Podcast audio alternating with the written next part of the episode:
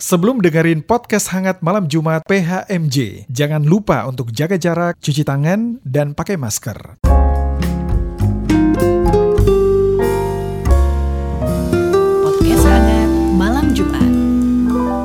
Halo, selamat malam Sobat Hangat. Apa kabar? Semoga semuanya baik dan sehat ya. Di mana pun Sobat Hangat berada, yang ada di wilayah Banten, Tangerang, di Jakarta, di Indonesia, atau mungkin di luar negeri yang dengerin kita malam ini ya. Malam yang indah tentunya. Sobat Hangat kembali akan ditemani oleh kami di podcast Hangat Malam Jumat. Dan yang pasti kami akan membahas topik-topik yang seru, yang hangat tentunya. Dan Sobat Hangat, sebelum kita ke topik perbincangan malam ini, kalian punya lagu rohani kesukaan gak ya? Kalau host-host kita dan narasumber kita malam ini juga punya. Dan oh ya, tahu nggak? Sebenarnya di bulan Maret ini kita juga merayakan Hari Musik Nasional, tepatnya tanggal 9 Maret yang lalu ya. Dan tentunya musik gerejawi dan nyanyian rohani juga mengambil peran yang cukup besar dalam kehidupan dan bahkan ibadah kita. Jadi malam ini podcast sangat malam Jumat sudah mengundang ada Kak Bimo Purnomo dan Bapak Penatua Henrik Seo yang akan bicara soal musik gerejawi dan nyanyian rohani. Dan Sobat Hangat, mohon maaf ada sedikit kendala teknis di bagian awal dari PHMJ malam ini. Dan langsung aja kita masuk ke segmen berikutnya yang akan dipandu oleh Ella dan Lisa. Langsung aja kita dengar podcast Hangat Malam Jumat.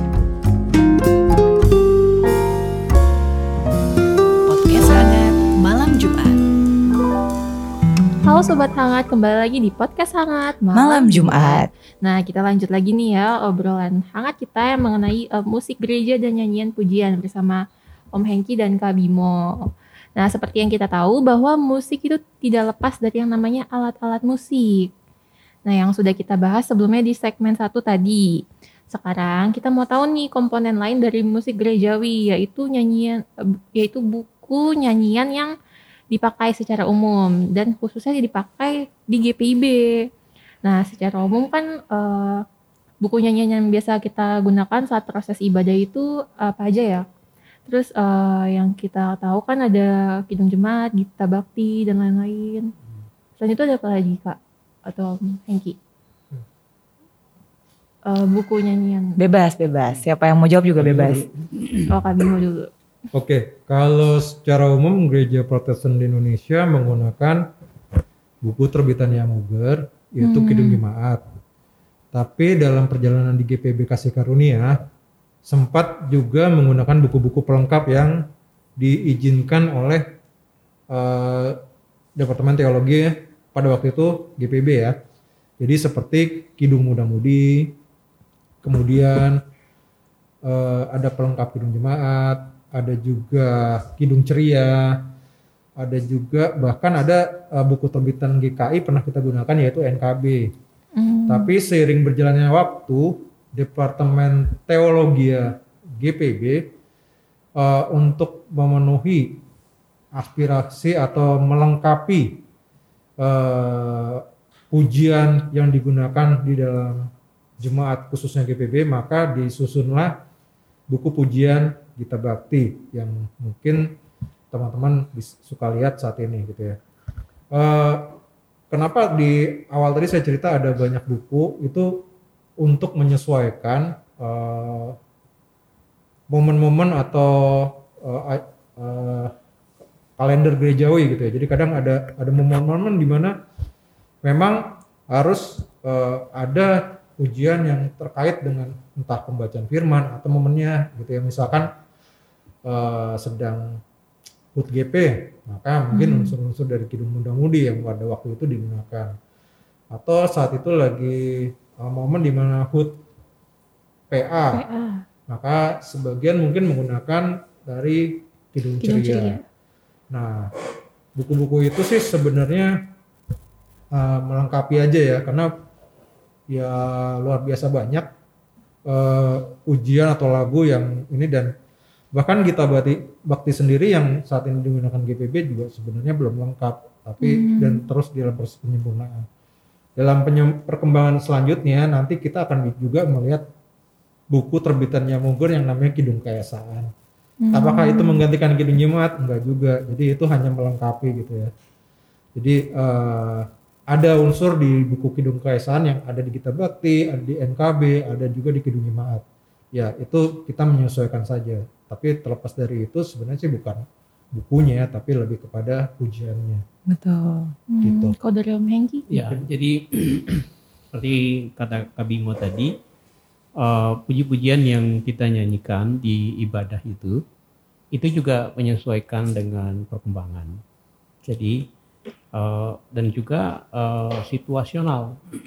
Misalnya eh, kalau di tata ibadah kita itu kan ada kalendernya. Misalnya juga ada HUT misalnya, HUT PKP, HUT GP, HUT eh, ya PT dan uh, PA itu disesuaikan dengan itu dan itu lagu-lagu yang direkomendasi oleh direkomendasikan oleh Komisi Muger dan dan itu memang uh, tidak terlepas dari uh, pesan lagu uh, tata ibadah itu. Dan bisa kita uh, ada lagu-lagu yang memang biasanya diadopsi dari uh, beberapa pujian rohani yang lain. Misalnya Bapa engkau sungguh baik.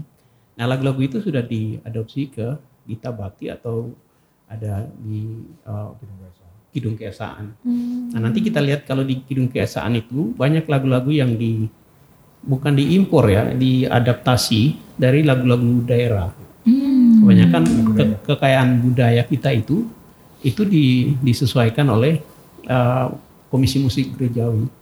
Dan sebenarnya kalau kita mau bilang uh, lagu-lagu atau puji-pujian, kita di GPB ini sangat kaya, kaya sekali dengan puji-pujian rohani kita.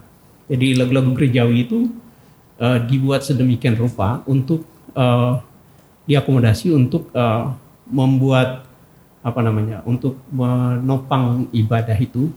Jadi kita tidak apa namanya dia up to date lah mengikuti perkembangan-perkembangan yang ada.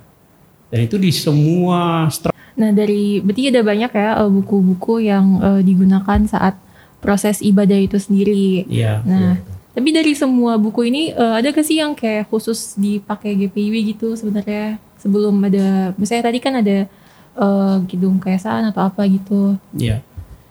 Iya, kalau saya ya, saya dulu. Silakan. Jadi eh, biasanya misalnya ada terjadi eh, pertukaran eh, ibadah misalnya eh, apa namanya dari gereja-gereja macam hari ini kan kita menyanyikan beberapa lagu yang sebenarnya baru buat kita di GPIB karena ini hari ulang tahun GPI Hmm. Gereja Protestan eh, Indonesia. Dan itu lagu-lagu yang diadopsi itu dimasukkan ke sana itu itu mewakili eh, gereja-gereja denominasi atau gereja-gereja bukan denominasi tapi gereja-gereja serumpun dengan eh, GPD Termasuk tata ibadahnya juga. tata ibadah juga disesuaikan. Kadang-kadang kita ada ibadah namanya ibadah apa ya em, yang mengikuti misalnya gereja apa begitu gereja Selain Kemid GPB. atau gereja selain GPB Iya. Nah itu gereja-gereja serumpun itu uh, misalnya dengan tata ibadahnya kita menyesuaikan, kita mengikuti itu biasanya dalam rangka ulang tahun atau seperti itu gereja-gereja itu. Nah itu kita mengikuti tata ibadah. Jadi kadang-kadang kalau kita lihat dalam ibadah-ibadah yang berlangsung di dalam tata ibadah itu ada yang berbeda sedikit dari, tetapi itu tidak berbeda jauh sebenarnya. Secara prinsip tata ibadah itu uh, sama, cuma mereka uh, mungkin urutan ibadah mereka yang berbeda. Dan lagu-lagu yang biasanya mereka pakai dari nyanyian-nyanyian eh, apa namanya atau kidung kidung pujian yang dari mereka itu sebenarnya itu eh, tujuannya bagus juga. Karena itu saling memperkaya ya. Kita bisa kita diperkaya. Misalnya ada lagu-lagu yang dari daerah. Kita juga kan ada juga di GPB kan ada lagu-lagu daerah lagu-lagu rohani yang eh, yang di yang bernuansa daerah itu ada kita nyanyikan lagu-lagu dalam bahasa daerah juga ini saya baru bisik-bisik dengan PKB. Mungkin kita akan nyanyikan lagu-lagu dalam bahasa daerah juga. Tapi ada terjemahannya, nggak, jangan takut.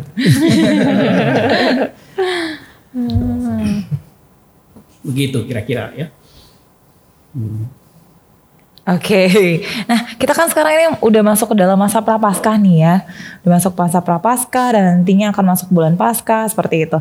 Nah pastinya kan dalam menyusun tata ibadah kan pasti menyesuaikan tadi kan oh, Om Hengki udah sampaikan juga. Nah kalau dari pengalaman Om Hengki sama Kak Bimo nih, ada kesulitan nggak untuk menentukan eh, pilihan-pilihan lagunya seperti itu?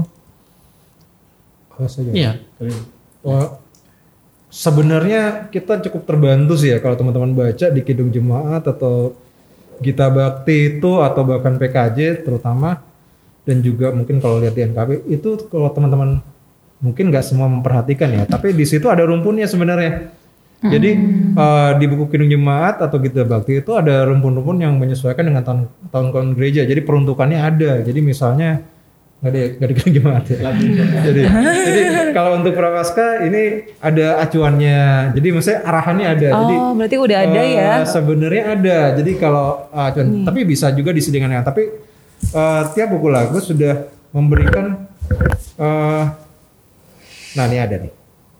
Uh, bagaimana sebuah uh, lagu-lagu ini sebenarnya peruntukannya buat apa sih? Uh, kalau kita lihat sini ada kan ya ini buat penantian Mesias, ada masa absen, ada kelahiran Yesus, ada akhir Prapaskah juga udah ada masa ya. Ada. Nah, ini Disesuaikan dengan Ini- kalender gereja. Tinggal mengikuti sebenarnya ya. Ah, ada petunjuk penggunaannya sebenarnya gitu, ada ada manualnya. Tapi itu hanya arahan dari si uh, buku pujiannya. Tapi kalau misalkan ada oh, ada ada masukan, ada momen tertentu sehingga menggunakan di luar arahan itu juga nggak nggak apa-apa. Gak masalah ya berarti ya. Oke. Tadi kan kita udah ngomongin soal uh, buku nyanyiannya tentang alat musiknya. Sekarang mau ngomongin soal pro kantor sama kantoria nih. Iya, bedanya apa sih sebenarnya? Iya. Eh, Kabimo atau? Ya saya ya. Iya. Ya ganti. Eh, pro kantor ada istilah pro kantor ada kantoria sebenarnya kalau ikuti pembinaan musik gerejawi kan jauh lebih mengerti ya artinya maknanya. Tapi begini eh, pro kantor itu dia hampir sama dengan eh, dirigen. Atau pem- pemandu eh, lagu apa namanya pengabah dalam paduan suara pemimpin paduan suara yang memandu ya paduan suara tapi kalau kantoria, kantoria itu kelompok yang bernyanyi seperti paduan suara. Jadi mereka itu fungsinya itu memandu jemaat bernyanyi. Jadi nanti ada pembagian-pembagian sana. Misalnya kalau di GPB itu dibagi dibuat. Biasanya lagu yang pertama, ayat yang pertama itu dinyanyikan oleh kantoria. Kantoria itu terdiri dari banyak orang. gitu. Dan semua bernyanyi dalam satu suara, suara satu.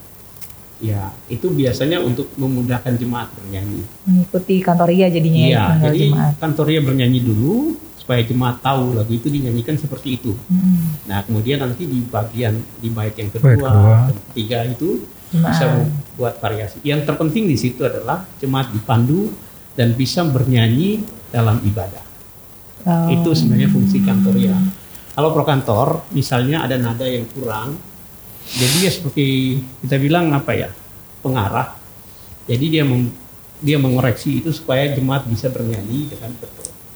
Begitu. Jadi dia itu uh, tadi saya bilang kalau dia pas jemaat bernyanyi, dia harus berada di tengah-tengah jemaat supaya jangan dia bukan presiden beda. Kalau kita di GPB itu bukan uh, song leader, kita itu pemandu lagu. Jadi yang diutamakan di situ umat bernyanyi. Setelah kita memandu, jemaat memahami bagaimana cara bernyanyi. Nah, kita membaur di dalam jemaat bernyanyi. Karena itu pujian. Oh, Oke. Boleh. Bedanya di situ pro kantor. Boleh saya tambahkan? Boleh, boleh, boleh. Silakan. Jadi eh, jadi eh, sebenarnya secara arahan dari Departemen Teologi GPB adalah ibadah itu menggunakan pro kantor dan kantoria. Iya. Kantoria merupakan bagian dari jemaat. Jadi kenapa eh, kelompok orang atau paduan suara yang menyanyikan agar eh, jemaat eh, merasa bahwa itu bagian dari jemaat. Nah, jadi dan apa bedanya pro kantor dengan pemandu lagu tadi seperti yang dibilang eh, sebenarnya kondisional sih ya karena kondisi sekarang kita lagi pandemi gini mau nggak mau adanya pemandu lagu karena pro kan- kantorianya nggak bisa gitu. Nggak Betul, bisa, nggak ada betul. nggak bisa gitu ya. Tapi pemandu lagu. Tapi eh, kami di komisi Muger itu mencoba mengarahkan agar seperti yang Om Hengki bilang jangan sampai pemandu lagu itu menjadi dominan atau menjadi sinden gitu ya. Maksudnya adalah dia boleh memberikan contoh bagaimana bernyanyi yang baik dan benar tetapi tidak boleh dominan. Kecuali kecuali jemaat atau pemusik tidak paham bagaimana menyanyikannya Iya. maka dia Ah, harus baru dia di situ dia muncul sebagai dominan tapi ketika jemaat sudah sudah bisa menyanyikan maka dia harus menarik diri dari eh, alat bantu suaranya dan kemudian membawa dengan Oh, alat begitu. suaranya. begitu. That's why gitu. Jadi sebenarnya pemandu lagu atau pro kantor itu eh, cukup penting sih peranannya di ibadah modernnya GPIB karena mereka justru yang menentukan gimana musik itu harus dila- dijalankan atau dinyanyikan, sorry. Betul, Gitu. betul. Betul. Hmm, jadi sekarang Nada. kita, oh masih ada Ya, lagi sorry. Om Hengki. Nada, nada itu penting sekali. Kalau dalam ibadah kita memandu jemaat itu supaya jemaat bisa menyanyi dengan hikmat, nada itu paling penting. Nah itu tugas salah satu tugas dari prokantor itu tadi atau pemandu lagu tadi. Iya. Dia mendengar misalnya, oh ini nada ketinggian, jemaat nggak bisa menyanyi, dia harus cepat-cepat memperbaiki. Oh, dia Itu- punya ini juga ya, punya Peran, hak untuk melakukan peran. itu ya, peran Perannya melakukan itu ya. penting. ya. Makanya di awal-awal ibadah biasanya oleh komisi mu- musik gereja mereka mempersiapkan ada semacam latihan lagu-lagu dulu. Di tata ibadah kita itu selalu ada ada penjelas ada ada informasi situ. Eh, di awal ibadah itu misalnya latihan lagu-lagu. Misalnya, Walaupun sudah latihan di hari Jumat dalam persiapan. Tapi hari Minggu itu supaya ibadah itu lancar dan jemaat bisa bernyanyi dengan eh, tertib, hikmat, itu nada penting. Nada sangat penting. Jadi biasanya di dalam persiapan kita memperhatikan itu. Oh ini nada ketinggian. Iya. Nah, kita ber- Sama ini, mic semeter atau MM. Jadi kalau ada ada teman-teman lihat di Kidung Jemaat Tempat Suara atau kita bukti ada MM 120, 90 itu eh, seberapa cepat lagu itu dinyanyikan. Itu Oh, temponya. Tempo. eh, meter ya singkatannya. ya. Oh, itu dia akan diperhatikan Tempo oleh si pro harus kantor ini ya. disesuaikan. Tempo harus disesuaikan dengan Iya. lagu. Ini lagu apa? Hmm. Misalnya lagu Hai Bangkit bagi Yesus. Itu kalau kita dengar orang bernyanyi itu seperti drops eh, Mars. Mars. Ya, Jadi dek, dek, iya dek, seperti dek gitu tentara ya. berjalan. Hai Bangkit bagi ya seperti itu. Bukan Hai Bangkit. ya, Jadi beda ya pembawaannya Beda. ya. Heeh. Jadi nuansa itu itu juga menentukan peran pro kantor ada di situ. Wah, penting nih berarti ya. Iya. Jadi kita sekarang udah tahu ya bedanya eh, pro kantor dan kantoria, fungsinya apa. betul. Terus perlu apa enggak dalam proses ibadah ternyata perlu penting, Penting banget ya. banget Bahkan ternyata ya. kayak sebelum ibadah eh, juga suka dikasih pelatihan sama eh, lagunya tuh bagaimana cara menyanyikannya. Iya. Apalagi kalau misalnya lagunya sulit-sulit gitu ya. Hmm, penting banget Nah, ya. Sekarang aku mau nanya lagi nih eh, Om sama Kak Bimo. Eh, ada kriteria khusus gak sih untuk menjadi seorang pro kantor? Wah, Lisa kayaknya mau daftar nih Om. Enggak dong. Kayaknya Lisa mau daftar nih. Wah itu semoga semoga yang yang baru-baru ini mau ambil bagian ya. Vero? Wah, potensi banyak sekali nih kita. Ini yang biasanya nunjuk-nunjuk nih yang mau nih. Boleh dijawab langsung berarti. Silakan. Kalau saya boleh jawab, sebenarnya kriteria yang awal adalah sikap ingin melayani. Itu yang pertama. Karena sikap jiwa atau sikap diri ingin melayani itu akan mengalahkan, akan membantu dia dalam hal kemampuan, pengelolaan waktu dan eh, segala hal ketika dia melayani. Karena kalau orang bisa punya skill bernyanyi yang bagus, orang bisa bisa bermain musik dengan bagus, tapi kalau tidak punya sikap yang melayani, kerendahan hati, akan semuanya itu akan sia-sia. Nah, dia akan tidak melayani dengan dengan rasa gimana ya, ingin melayani gitu. Maksudnya ketika ada kesulitan, ketika ada ketemu lagu yang sulit, dia akan wah karena dia mengandalkan dirinya gitu ya. Atau eh, ketika diminta persiapan dia akan susah. Wah, dia hanya melayani dengan sisa waktu, bukan dengan menyediakan waktu. Nah, gitu ya. itu itu itu bed- eh, sikap yang kayak gitu. Itu sih kriteria kalau saya ya, gitu ya. Masalah skill, masalah kemampuan bernyanyi, suara itu bisa dibentuk. Tapi kalau sikap hati untuk melayani itu yang susah. Iya, Jadi yang pertama itu dulu sih kalau saya ya. Betul. Mungkin Om Egi bisa tambahin. Ya betul, betul. Ah, nggak usah jauh-jauh. Saya sendiri, saya mulai bernyanyi di pemuda itu sejak usia 23 tahun. 23 24 itu saya sudah mulai belajar bernyanyi. Bernyanyi yang benar begitu. Jadi beda kalau kita nyanyi di apa? di entertain atau karaoke atau di rumah ya. Kita nyanyi sendiri beda dengan nyanyi di gereja. Jadi eh, mesti ada kemauan dulu. Kan banyak banyak kalau kita orang muda itu kebanyakan kan bilang, aduh lagu gereja tuh tunggu aja nanti di gereja kita nyanyi. Iya kan, kan lagu banyak nih, kita punya pilihan banyak. Eh, kita pakai, ya itu lagu yang kita senang-senang aja. Ya kalau mau bernyanyi tadi kami mau bilang harus memusatkan perhatian, punya perhatian. Jadi penyanyi gerejawi itu beda dengan penyanyi eh, rohani. Lagu-lagu rohani itu banyak, yang banyak, banyak orang yang suka.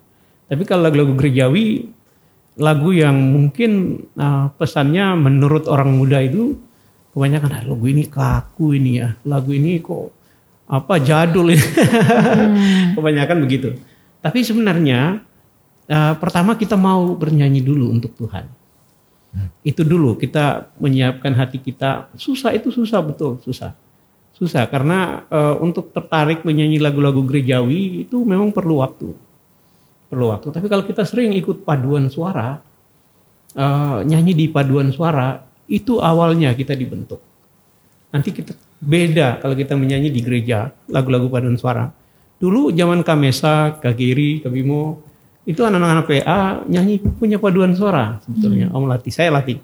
Latih mereka uh, mulai dari notasi di Komisi Muger itu kita setiap persiapan saya mulai dengan notasi. Mereka bilang, "Ah, Pak Hengki, ini kenapa lagu kita udah tahu kita nyanyi notasi lagi?" Saya bilang, "Iya, tapi nggak apa-apa kita latihan notasi dulu."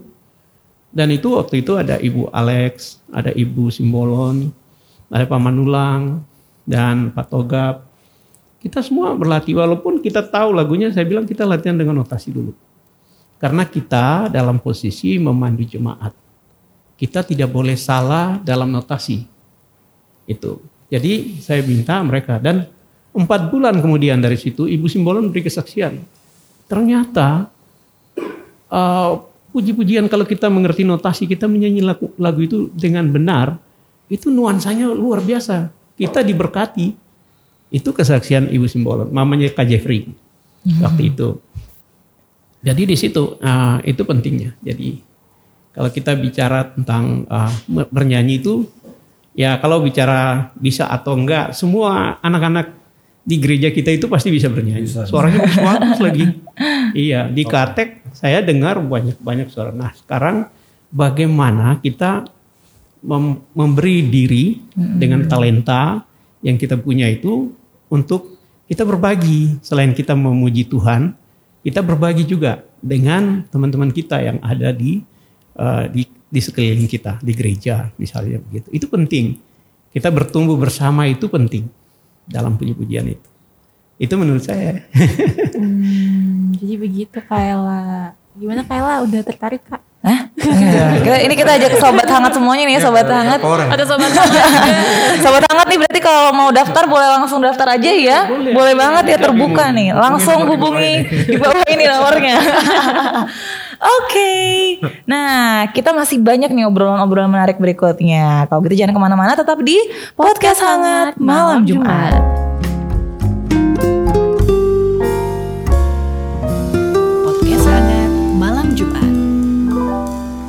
Kembali lagi di PHMJ.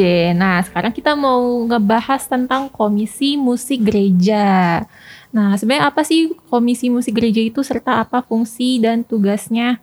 Uh, entah tugas rutinnya atau penyusunan ibadahnya, jadwal pemandu lagu atau pemusik. Gimana tuh, Om? Om Hengki atau Kabimo? Oh, Kabimo. Udah ditunjuk-tunjuk nih. Uh, seharusnya nih sebidang muger yang ada ya tapi ya udah saya coba jawab ya. Ketuanya. Uh, tugas utamanya sebenarnya sih ya uh, menyusun tata ibadah dan memastikan ibadah berjalan dengan baik dan benar uh, dengan cara memastikan para petugas-petugasnya hadir dan menjalankan tugasnya dengan baik dan benar sih seperti itu ya. Uh, jadi selama ini yang dilakukan adalah mungkin saya cerita aja apa yang dilakukan. Jadi biasanya di komisi Muger itu ibu-ibu yang ada di sana, ya, karena kebanyakan ibu-ibu ya. Jadi uh, mereka menyusun eh, lagu-lagu uh, yang akan digunakan dalam ibadah secara umum yang pasti disusun adalah ibadah hari Minggu uh, minggu pertama, kedua, tiga dan seterusnya gitu ya.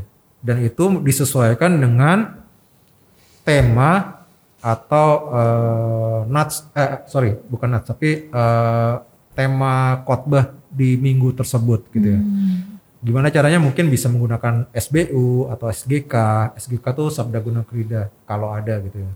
dan itu lagu-lagunya diusahakan disesuaikan dengan eh, tema-tema khotbah di minggu-minggu tersebut. Jadi lagu-lagunya memang harus mendukung itu gitu ya. Jadi dari mulai pembukaan sampai dengan penutupnya.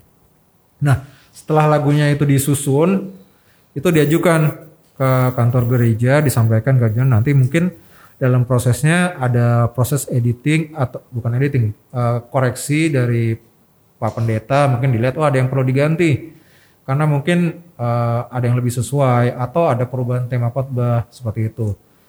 Nah, selain untuk tata ibadah di hari Minggu, juga ada penyusunan untuk eh, ibadah-ibadah khusus. Misalkan pernikahan eh, atau momen Paskah. Uh, biasanya momen Paskah itu bekerja dengan bekerja sama dengan panitia yang ditunjuk gitu ya. Jikalau mereka membutuhkan bantuan, eh, Komisi Muger juga bisa membantu eh, mengenai lagu-lagu apa sih yang sebaiknya digunakan dalam ibadah di momen-momen tersebut. Selain menyusun tata ibadah, ada banyak tata ibadah termasuk ibadah eh, hari Rabu juga gitu ya. Dan juga ibadah-ibadah yang dilakukan oleh pelkat. Dilakukan oleh pelkat. Misalnya pelkat PKB. Yang yang umum biasanya yang kami bantu adalah pelkat PKB, PKP, sama PKLU. Karena kalau di GP biasanya mereka eh, menyusun sendiri, PT dan PA juga gitu. Nah, itu dari sisi tata ibadah. Selanjutnya apalagi yang di- dikerjakan adalah menyusun petugas-petugasnya. Jadi kan kita udah list siapa sih yang ada pemusik di kasih karunia ini siapa saja, pemandu pujiannya siapa saja. Nah, itu disusun eh, yang bertugas siapa saja. Jadi dijadwalkan. Jadi nah di di awal bulan itu biasanya di di sebelum bulan berjalan. Jadi misalnya sekarang ini bulan Maret ya. Di menjelang bulan Februari habis, itu jadwalnya sudah dis- disampaikan ke ada grup kita ada grup WA. Eh, ya teman-teman ini jadwalnya selama satu bulan. Tujuannya adalah selain buat pengenalan lagunya, mereka juga bisa mempersiapkan diri. Nah itu terkait dengan segmen sebelumnya tadi gitu ya.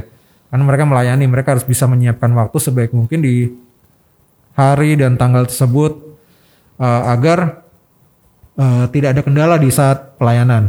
Kenapa? Kadang kan terutama di kota besar seperti ini kota besar bukan Ciledug bukan kota. Maksudnya di Jabodetabek ini eh, orang kan aktivitasnya luar biasa gitu ya. Jadi bisa jadi dia dijadwalkan di tanggal 28, oh nggak bisa. Saya di jadwal di hari itu saya ada pemotretan Ciel. bisa gitu. Nah jadi eh, tolong dong digantikan gitu kan itu ada banyak di grup itu. Jadi eh, kami saling komunikasi sih di situ. Jadi ada yang bertukar, ada yang tiba-tiba tiba-tiba sakit atau mungkin yang eh, yang harus menjaga melakukan kerja tiba-tiba di hari Minggu. Nah itu fungsinya kayak gitu. Jadi eh, Komisi Mugur juga menyusun tata ibadah itu gitu ya. Selain itu apalagi kita juga melakukan kegiatan ke- di Komisi Mugur juga melakukan kegiatan melak- membuat suatu kegiatan-kegiatan untuk menunjang eh, ibadah. Misalnya penyusunan eh bukan penyusunan. Jadi eh, lo- kayak pernah dilakukan itu loka karya pro kantor dan atau pemimpin pujian dilakukan kayak gitu. Kemudian eh, ya seminar eh, pembinaan-pembinaan lain yang bisa mendukung eh, ibadah. Itu sih selama ini yang dilakukan. Selain itu ada kegiatan tambahan lain juga. Kadang juga diminta untuk misalnya membantu melatih kalau ada lomba atau paduan suara kita juga di kadang-kadang dibantu dimintai bantuan seperti itu. Mungkin ada yang bisa ditambahkan Om? Iya. Jadi eh, sebetulnya dalam eh, kaitannya dengan tata ibadah, tugas komisi itu eh, mempersiapkan lagu-lagu untuk dinyanyikan dalam eh, ibadah yang berlangsung. Dan itu biasanya komisi menyusun lagu-lagu itu dalam waktu yang cukup panjang, tiga bulan misalnya. Dan itu mereka persiapkan latihan lagu-lagunya, mempersiapkan puji-pujian itu uh, supaya nanti baru di, uh, disampaikan, dimasukkan dalam tata ibadah minggu ke minggu begitu. Dulu uh, komisi musik punya dua tugas, menyusun tata ibadah dan lagu-lagu gerejawi. Uh, biasanya itu di, dicek oleh Pak uh, Pendeta atau Ibu Pendeta uh, apakah ini sesuai dengan kalendernya. Jadi kadang-kadang kita menyesuaikan dengan uh, misalnya dalam event-event tertentu itu lagu-lagu yang sentral sentral. Artinya yang sudah dikirim dari sinode itu yang dipakai di jemaat. Dan itu biasanya komisi musik menyesuaikan aja. Ya karena itu seragam. Di semua GPB nyanyian itu sama. Ujiannya sama. Karena temanya sama.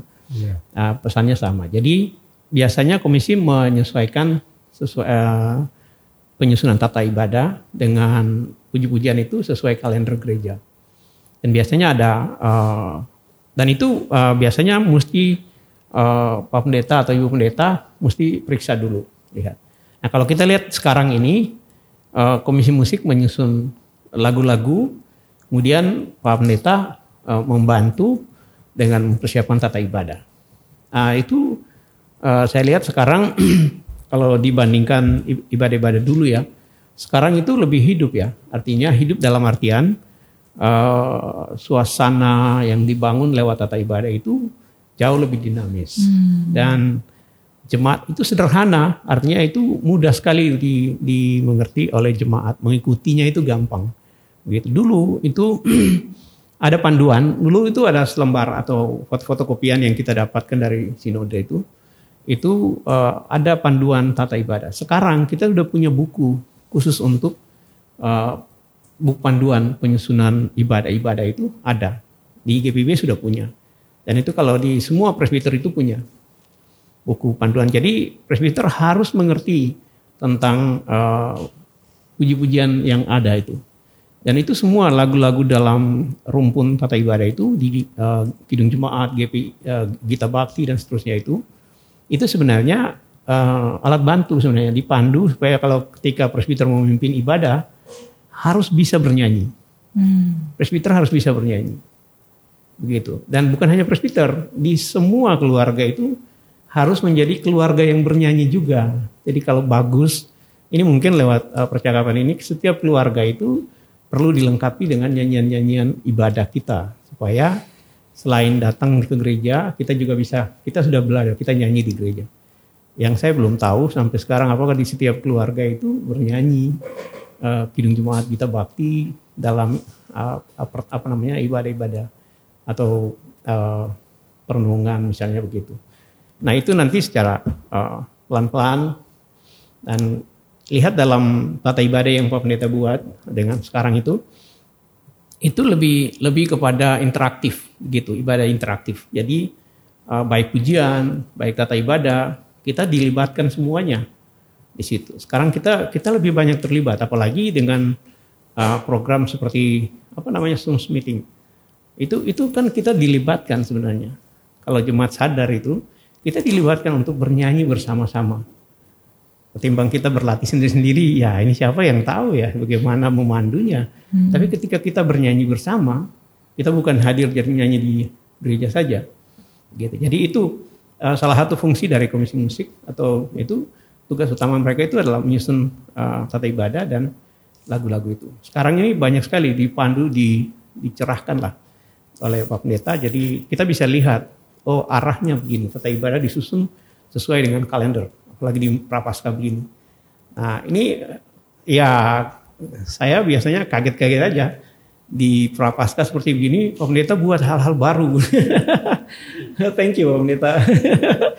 Dan itu ada hal-hal yang sebenarnya kita ya misalnya ada lagu-lagu yang kita nggak duga tidak ada di dalam uh, kidung jemaat atau ini, tapi Pak Pendeta bisa pilih lagu-lagu yang sesuai dengan uh, apa itu tata ibadah sehingga kita menyanyi itu connect connect begitu terhubung gitu ya.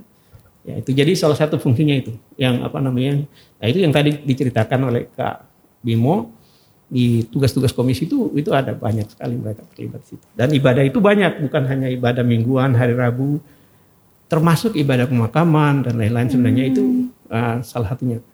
Tapi karena sekarang situasi macam begini, Pak Pendeta ambil alih, Pendeta buat itu dan biasanya kantor gereja itu sudah paham, mereka punya form di sana, punya itu. Jadi Pak Pendeta bilang atau nanti Pak Pendeta cek lagi supaya ibadah itu terarah. Yang terpenting itu ibadahnya terarah Hmm. sesuai dengan kondisi gitu Iya. ya. Oke. Nah, kalau boleh tahu nih, oh, Om Hengki dan Kak Bimo, saat ini tuh anggota Komuger itu sendiri ada siapa aja sih? Nah, Tadi kan udah disinggung ada ibu-ibu. Eh, sebenarnya ketika komisi musik gereja ya saya juga nggak hafal ya sekarang siapa aja. Karena banyak yang ini terdaftar tapi tidak aktif. Tapi eh, pada waktu kita menyus eh, komisi bidang muger menyusun eh, anggota-anggotanya biasanya diusahakan mewakili tiap sektor. Tuh, jadi biasanya diwakili oleh satu sampai dua sek satu sampai dua orang per sektor gitu ya. Jadi tujuannya apa sih? Eh, tujuannya adalah agar eh, informasi atau mm, apa eh, pengenalan akan lagunya bisa tersampaikan ke semua jemaat sih tujuannya seperti itu gitu ya. Jadi seperti kalau dibilang anggota ketuanya sih sebenarnya Ibu Manulang eh, koordinatornya eh, dan di bawahnya semuanya anggota gitu ya. Cuman itu aja. Jadi kayak misalnya sektor satu diwakili oleh saya dan Kak Sari sektor 2 itu ada Ibu Edi dan saya lupa siapa lagi. Tapi intinya kayak gitu. Jadi sektor 3 ada Bu Manulang eh, sektor 4 itu ada Ibu Wowor sektor 5 itu Ibu Nababan sektor 6 ada Ibu Simbolon. Nah, itu sebenarnya ada ada ada pasangannya semuanya. Tapi mungkin eh, nanti bisa dicek di apa. itu ada tujuannya juga Ah. di sektor-sektor itu supaya kalau ibadah berlangsung jemaat itu diwakili jadi ada lagu-lagu baru nah ini anggota komisi ini bisa memandu jemaat sebenarnya itu tujuannya saat ibadah sektor. Jadi eh, kan eh, dulu itu eh, kita ada pergumulan kenapa ada tiap ada lagu baru di hari Minggu itu kan susah atau jemaat. Nah, dicicil. Jadi diharapkan sebagian anggota ya terus terang coba di sini siapa yang hadir kebaktian rumah tangga kan nggak semua kan? Ayo. Kadang-kadang. Nah itu eh, diharapkan ketika kita latih lagunya di eh, tata ibadahnya juga gitu, di, diusahakan lagu-lagunya mendukung ada lagu-lagu baru yang bisa kita latih di ibadah dibuat mendukung di ibadah hari Minggu gitu nah. Jadi si komisi ini anggotanya akan melatih nih lagunya. Diharapkan ketika hari Minggu mereka udah nggak canggung lagi nyanyinya dan lebih Lancar. lebih lancar gitu ya. Nah, atau sebaliknya kayak gitu. Nah, kayak gitu sih kalau ditanya siapa aja anggotanya. ya Tapi secara umum se- setiap pemusik, setiap pemandu lagu adalah bagian dari komisi muger gitu. Hmm, iya iya. Jadi aku- juga jadi inget waktu dulu masih KRT online eh offline ya.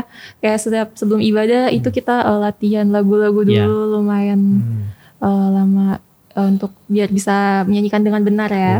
Nah, sekarang eh, tadi kan sempat menyinggung nih tentang eh, menyusun tata ibadah. Nah, eh, bisa dijelasin gimana eh, proses penyusunan tata ibadah itu sendiri? Apakah ada hal-hal yang perlu diperhatikan. Selain tadi mungkin eh, memperhatikan kalender gerejawi ya yang sesuai.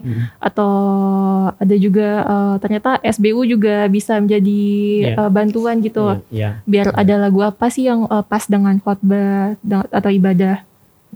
Iya itu ya itu betul itu betul Lisa. Em, jadi ketika komisi ini saya Siapa? jadi ketika komisi musik menyusun lagu-lagu itu mereka sesuaikan dengan eh, sabda bina umat. Jadi di situ bukan lagunya saja yang dilihat tetapi sabda bina umat itu dibaca. Ini pesannya apa? Aplikasinya gimana? Jadi lagu-lagu yang dipilih itu nanti searah dengan eh, pemberitaan begitu. Jadi ketika di paling tidak eh, ada pesan eh, nanti kalau misalnya di hari Minggu eh, jemaat menyanyikan lagu itu itu searah atau selaras dengan pemberitaan firman. Jadi lagu-lagu disusun itu sesuai dengan tata ibadah. Nah itu mesti dibandingkan semuanya tidak bisa feeling itu harus disesuaikan dengan ibadah yang akan berlangsung begitu. Nah itu itu kerjaannya komisi musik gereja begitu dan biasanya ada evaluasi. Ya kalau misalnya lagu ini tidak dinyanyikan dengan baik, pro kantor misalnya salah nada begitu itu di dievaluasi gitu. Bukan diganti orangnya tetapi diperbaiki kita perlu pro kantor jadi ya, pemandu lagu. Kasih bintang tiga. jadi ya kita perlu oh gini loh ini notasinya. Misalnya di lagu Amazing Grace itu kan ada notasi di lagu itu mi sol mi sol mi do sol la si do la sol. Dinyanyikan dinyanyikan mi sol mi do mi. Ini kan sudah lain lagi nih re do la sol. Itu irama eh, itu nuansa yang kadang-kadang pro kantor bisa ciptakan itu karena pengaruh kaset lagu. Nah itu pentingnya kita persiapan di gereja dan bernyanyi dengan benar. Kenapa? Fungsi nanti pemandu lagu itu memandu jemaat mengajarkan menyampaikan puji-pujian yang benar kepada jemaat. Dan itu pembelajaran sebenarnya itu penting. Begitu Dari Kak Bimo ada tambahan Oke. mungkin? Eh, caranya ya. Jadi secara umum sih kalau GPB itu kan sebenarnya punya rumpun tata ibadah. Jadi pembukaan, terus ada rumpun pemberitaan firman, dan ada penutup atau pengutusan gitu ya. Pengutusan. Nah, eh, lebih jauh sebenarnya kenapa, kenapa rumpunnya kayak gitu? Sebenarnya pus- pusatnya itu kan pe- pem- pemberitaan firman gitu ya. Kenapa pemberitaan firman? Karena kita Calvinis. Jadi kalau mungkin Pak Pendeta nanti boleh koreksi dulu. Kalau dulu kita belajar di PT tuh Calvinis itu soli deo gloria, segala sesuatunya untuk kemuliaan Tuhan. Jadi semuanya terpusat. Jadi kalau teman-teman lihat bukan hanya di tata ibadah, tapi di tata tata tempat duduknya, kenapa nyanyinya harus ngadep ke mimbar, itu sebenarnya ada maknanya ke arahnya ke situ. Jadi semuanya terpusat gitu ke firman Tuhan. Nah, dari rumpun tata ibadah itu kita tadi Om Yangki bilang, jadi kalender gereja. Nah, udah temanya sentralnya di firman, firmannya apa? Nah, di- disusunlah lagu pembukaan yang mendukung. Jadi kita cari, biasanya ada eh, teman-teman di Komisi Muger tuh udah udah tahu nih. Jadi pembukaannya tentunya harus bisa mengajak jemaat untuk ibadah. Tapi temanya nggak boleh jauh-jauh. Jadi kalau temanya tentang prapaskah ya jangan taruh lagu Natal walaupun sama-sama ceria gitu ya. gitu. Nah, kayak gitu. Jadi eh, harus mendukung dengan kalender gereja juga. Nah, lagu pen- pen- pengutusan jangan jadi lagunya temanya syairnya ajakan, tapi dia eh, pengutusan mengutus terkait dengan firman yang diberitakan. Ya kayak gitu sih. Nah, setelah lagu itu disusun eh, baru nanti disampaikan ke gereja dan mungkin mengalami koreksi. Kalau dulu bahkan mungkin sampai ke nats-natsnya juga kita susun, tapi bela- apa eh, belakangan Wanitas bantu kita dan eh, lebih lebih pas gitu ya kayak gitu. Nah itu berlangsung. Nah, nah, biasanya tiap periode tuh ada ada ada tata caranya. Ada yang dulu modelnya kita susun susun bersama-sama, ada yang dibagi tugasnya, ada mungkin ke depan kita akan mulai cara lain. Nah, itu nanti uh, disesuaikan dengan kondisi. Apalagi kalau sekarang kan kita nggak bisa kumpul-kumpul nih untuk persiapan. Nah, nanti mungkin ada ada teknik lain gitu untuk ini. Nah, setelah disusun uh, di-share ke di grup ke teman-teman di grup Komisi Muger. Tujuannya apa? Agar si pemandu lagu nih, kuncinya si pemandu lagu mereka bisa belajar lagu-lagunya karena dikhawatirkan ada lagu-lagu yang mereka nggak kenal gitu ya. Termasuk si pemusiknya. Nah, apakah itu berjalan dengan mulus? Kadang nggak juga. Kadang ada eh, tata ibadah susulan. Iya, kami esok tuh sorry. Kami esok Salah- kata ketawa. salah satu pemandu lagu salah satu salah satu korbannya. Jadi kadang-kadang ada ada ada ada dari sinode itu lagu lagu tata ibadah khusus gitu. Misalnya kayak tadi ada oh Daud GPI. Eh, ini tata ibadahnya dari gereja Angkola misalnya. Itu lagunya mungkin sama-sama kidung jemaat, tapi kadang di nah kadang-kadang di jemaat itu ada lagu-lagu yang kita nggak bisa nyanyiin, mereka nyanyikan. Dan kadang ada rumpunnya berbeda. Ada yang persembahannya duluan, firmannya di belakang, habis firman langsung menutup, ah, gitu terbolak-balik. Nah, itu itu ah, itu insidental sih sebenarnya. Kayak gitu. Nah, itu sih lebih ke situ terus setelah itu ya persiapan terus pelaksanaan pelayanannya. Iya. Jadi nambah sedikit ya, sorry. Jadi ya, untuk melengkapi. Jadi ini salah satu. Jadi kalau ketika mereka atau kami di komisi musik menyusun itu, sebenarnya kami diperkaya. Jadi lagu nanti di dalam misalnya itu ada petunjuk penggunaan nyanyian itu di kalau di kidung jemaat di akhir itu ada. Di sana itu ada misalnya lagu untuk menghadap Allah itu lagu apa saja. Jadi nggak itu itu terus yang di lagu satu satu lagu itu terus yang dibuat, tapi ada beberapa lagu yang dari dari rumpun yang sama. Di pelayan firman ada lagu-lagu yang lain sehingga jemaat diperkaya. Jadi kita juga yang menyusun itu juga kita diperkaya. Kita tahu lagu-lagu oh ini lagunya gini lagunya gini notasinya ini gitu. Jadi kita belajar notasi kita diperkaya pokoknya banyak situ khususnya yang menyusun lagu dan Iya. lagu-lagu itu gitu. Ah, Oke. Terakhir nih, eh, Om Hengki dan Kak Bimo. Kami memberikan ruang untuk Om Hengki dan Kak Bimo untuk mengajak Sobat Hangat nih. Untuk menjadi eh, pro kantor kak, apakah apakah gitu anggota ini di, di Komuger, ah, di bidang musik khususnya silahkan. Nah, ini dia ada ketua apa?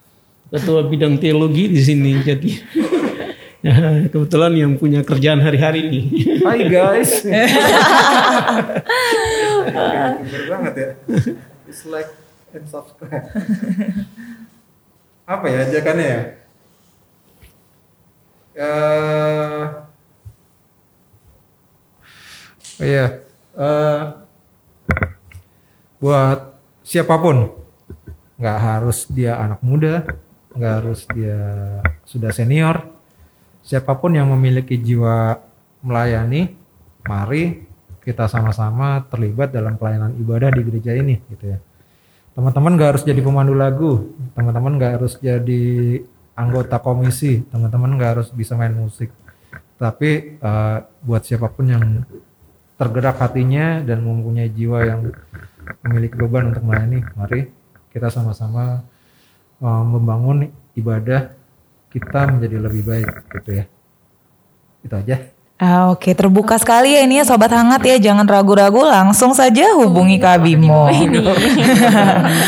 Oke, kita akan lanjut lagi Sobat Hangat. Tetap di Podcast Hangat Malam Jumat.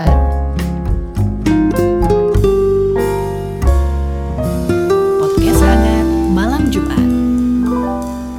Kembali lagi di Podcast Hangat. Malam Jumat. Wah, betul banget ya kak. Jadi beda banget nih. Iya nih, ketahuan ya hari ini episodenya apa ya? Iya. Nah, sekarang kita udah di segmen terakhir ya kak. Nah, artinya apa tuh? Artinya sekarang gilirannya Pak Pendeta. Untuk menjelaskan firman Tuhan. Iya. Silakan Pak Pendeta. Udah dijelasin semua? iya, eh, pertama-tama eh, saya terus mengapresiasi PHMJ karena mengangkat semua topik ya, termasuk topik eh, malam ini tentang nyanyian rohani, musik gerejawi, begitu. Eh, selain dengan yang namanya tadi disebut apa eh, hari eh, musik. Hari musik ya eh, di bulan Maret tanggal 9 Maret. Kita juga ingat bahwa eh, di masa prapaskah ini minggu keempat dan ketiga itu ada yang disebut dengan Gaudate dan Misokondria kalau nggak salah itu ya. Nyanyian sukacita dan nyanyian kasih setia begitu. Eh, di minggu-minggu prapaskah. Artinya ketika kita membahas tentang nyanyian musik gerejawi pada kesempatan episode ini kita juga mau diingatkan bahwa eh, Bapak gereja itu yang namanya Bapak Agustinus pernah mengatakan eh, kui bini kantat bis orat yang artinya eh, pujian yang benar, nyanyian yang benar itu nilainya dua kali berdoa gitu. Nah, karena itu tadi penjelasan yang disampaikan oleh eh, penatua Bapak Hendrik Seo, nama panggungnya Pak Hengki, nah itu dia, dan juga Mas Bimo, nama panggungnya Hai ya kalau nggak salah ya. ya, eh, ini dua orang yang memang apa ya, eh, secara khusus menggumuli musik gerejawi dan eh, cukup banyak pengalaman dalam kehidupan bergereja yang memang melihat pentingnya musik gerejawi. Yang saya ingin garis bawahi harus kita buang jauh-jauh pemahaman bahwa tadi ada kesaksian dari Pak Bimo. Di sana tuh kayaknya enak gitu musiknya gitu. Ternyata ada pengalaman langsung dari Pak Bimo bahwa eh, bukan soal enaknya gitu ya. Ketika pujian itu dinyanyikan dengan tepat, dengan benar, ternyata kita dapat soulnya, dia punya jiwa dari lagu itu gitu. Tapi kalau kita nyanyikannya dengan tidak benar, ya tentu kita tidak dapat gitu. Karena nyanyi yang benar itu tidak bergantung pada musik. Nyanyi yang benar itu kekuatannya ada di syair dan nada-nada begitu. Ketika nyanyikan dengan tepat, Terus tadi ada istilah teknis musik yang disampaikan oleh Pak Bimo dan Pak Hengki tentang dinamikanya, temponya segala macam. Kalau itu dinyanyikan dengan benar, itu dia akan apa ya? eh, kalau saya pinjam istilah itu pujian itu akan menjadi megah gitu. Megah dan apa ya? penuh karisma begitu. Nah, jadi eh, terima kasih sekali kalau malam hari ini kita mendapatkan pencerahan gitu ya bahwa tidak perlu ada kecil hati kemudian rasa wah kalau di GPB ini adem ayem begitu. Bukan soal di GPB-nya, tapi soal kita menyanyi dengan tepat dan benar begitu. Nah, untuk menyanyi tepat dan benar, maka harusnya kita jangan menjadi penikmat lagu gitu ya. Kita jangan hanya menjadi pendengar, eh, tapi kita harus menjadi penyanyi yang benar. Penyanyi yang benar seperti tadi di awal Pak Bimo juga sampaikan bahwa apa sih sebenarnya kriteria atau kualifikasi untuk menjadi seorang yang aktif dalam pelayanan musik gerejawi dan nyanyian? Eh, saya tunggu tadi jawabannya. Dan ternyata jawabannya di luar eh, yang pernah saya dengar gitu ya. Eh, bukan soal tahu do re mi fa sol la si do gitu ya. Eh, tapi beliau bilang katanya sikap hati dan itu saya pikir sudah tepat sekali. Karena kalau sikap hatinya benar, maka soal keterampilan musik dan menyanyi itu akan mengikuti gitu. Tapi kalau misalnya sikap hatinya benar, dia jago menyanyi, dia bisa berimprovisasi, akhirnya apa? Yang dimuliakan itu bukan Tuhan. Pujian itu akan memuliakan diri sendiri. Nah itu berbahaya, itu berbahaya. Saya ingat dosen himnologi waktu di kampus dulu, eh, Bapak Van Dopo, eh, atau Van Dop nama Belandanya gitu. Beliau paling tidak suka dengan penyanyi-penyanyi Indonesia lagu rohani gitu ya. Yang suka di eh, misalnya lagunya Ku berbahagia yakin teguh di gitu-gitu. Dia bilang itu salah gitu. Itu salah. Jadi kehilangan makna lagunya. Padahal lagunya itu eh, temponya cepat ya Pak Bimo ya. Tak tak tak tak gitu ya sepertinya ya. Sembilan ketuk. Ah, sembilan ketuk. Kalau kita dengar lagu misalnya dinyanyikan oleh penyanyi rohani yang ada di kaset-kaset gitu ya, atau di CD itu kan ditarik, mendayu-dayu. Dosen saya bilang itu salah gitu. Terus ada pernyataan beliau juga mengatakan begini, eh, pendeta itu harus bisa menyanyi. Kenapa? Kalau tidak, ini istilah beliau ya waktu di kampus. Beliau bilang, kalau tidak itu pendeta itu seperti kerbau katanya. Kenapa? Karena ketika menyanyi cuma wow, wow, nah, kayak seperti itu gitu. Makanya di- diminta untuk menyanyi. Dan bersyukur saya bisa menyanyi minimal Kidung Jumat 478.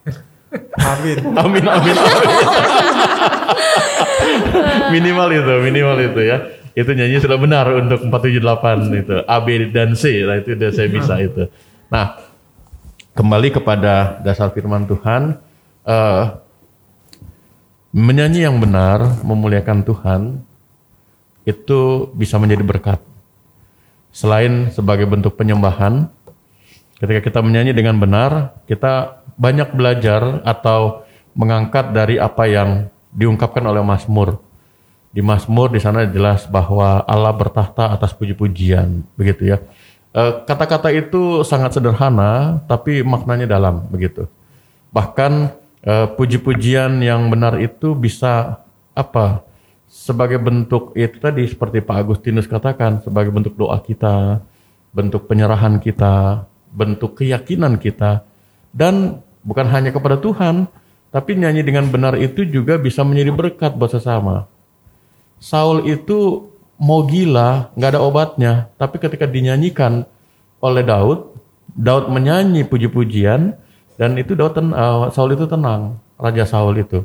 Artinya apa? Puji-pujian yang benar kepada Tuhan juga mempunyai dampak secara rohani, spiritual bagi banyak orang begitu. Saya beberapa kali ya ketika dalam eh, eh, apa namanya mel- melawat gitu ya, membesuk anggota jemaat yang sakit.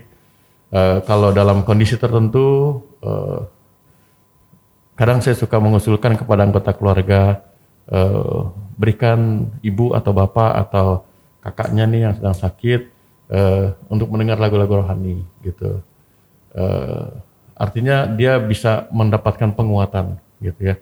Kadang-kadang kan orang kalau sudah mengunjungi orang yang sakit selalu bilang sabar, tenang, nanti Tuhan menyembuhkan, dikuatkan.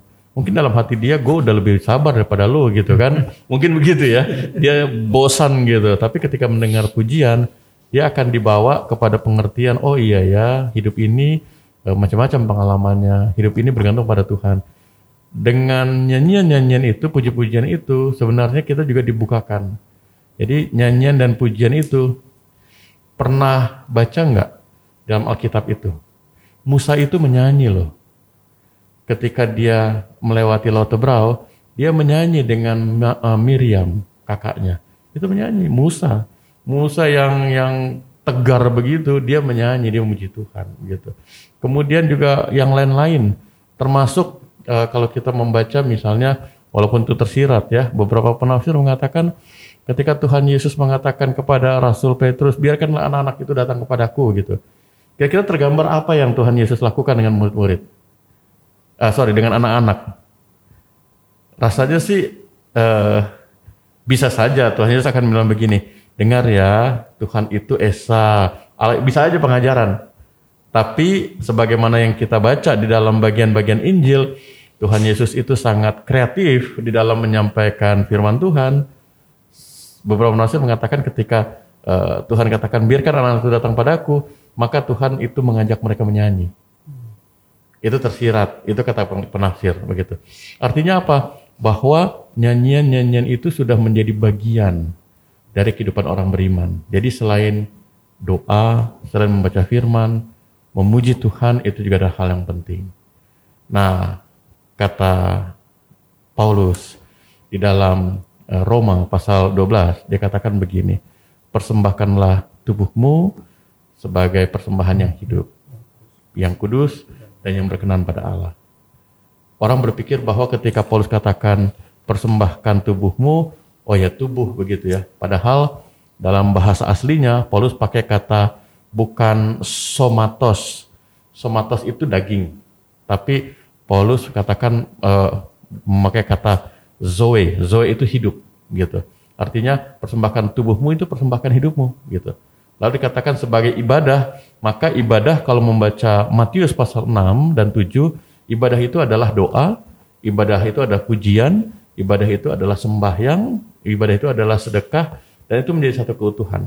Artinya ketika kita mendengar apa yang Paulus katakan, maka kita memahami bahwa pujian yang benar itu juga menjadi sebuah ibadah.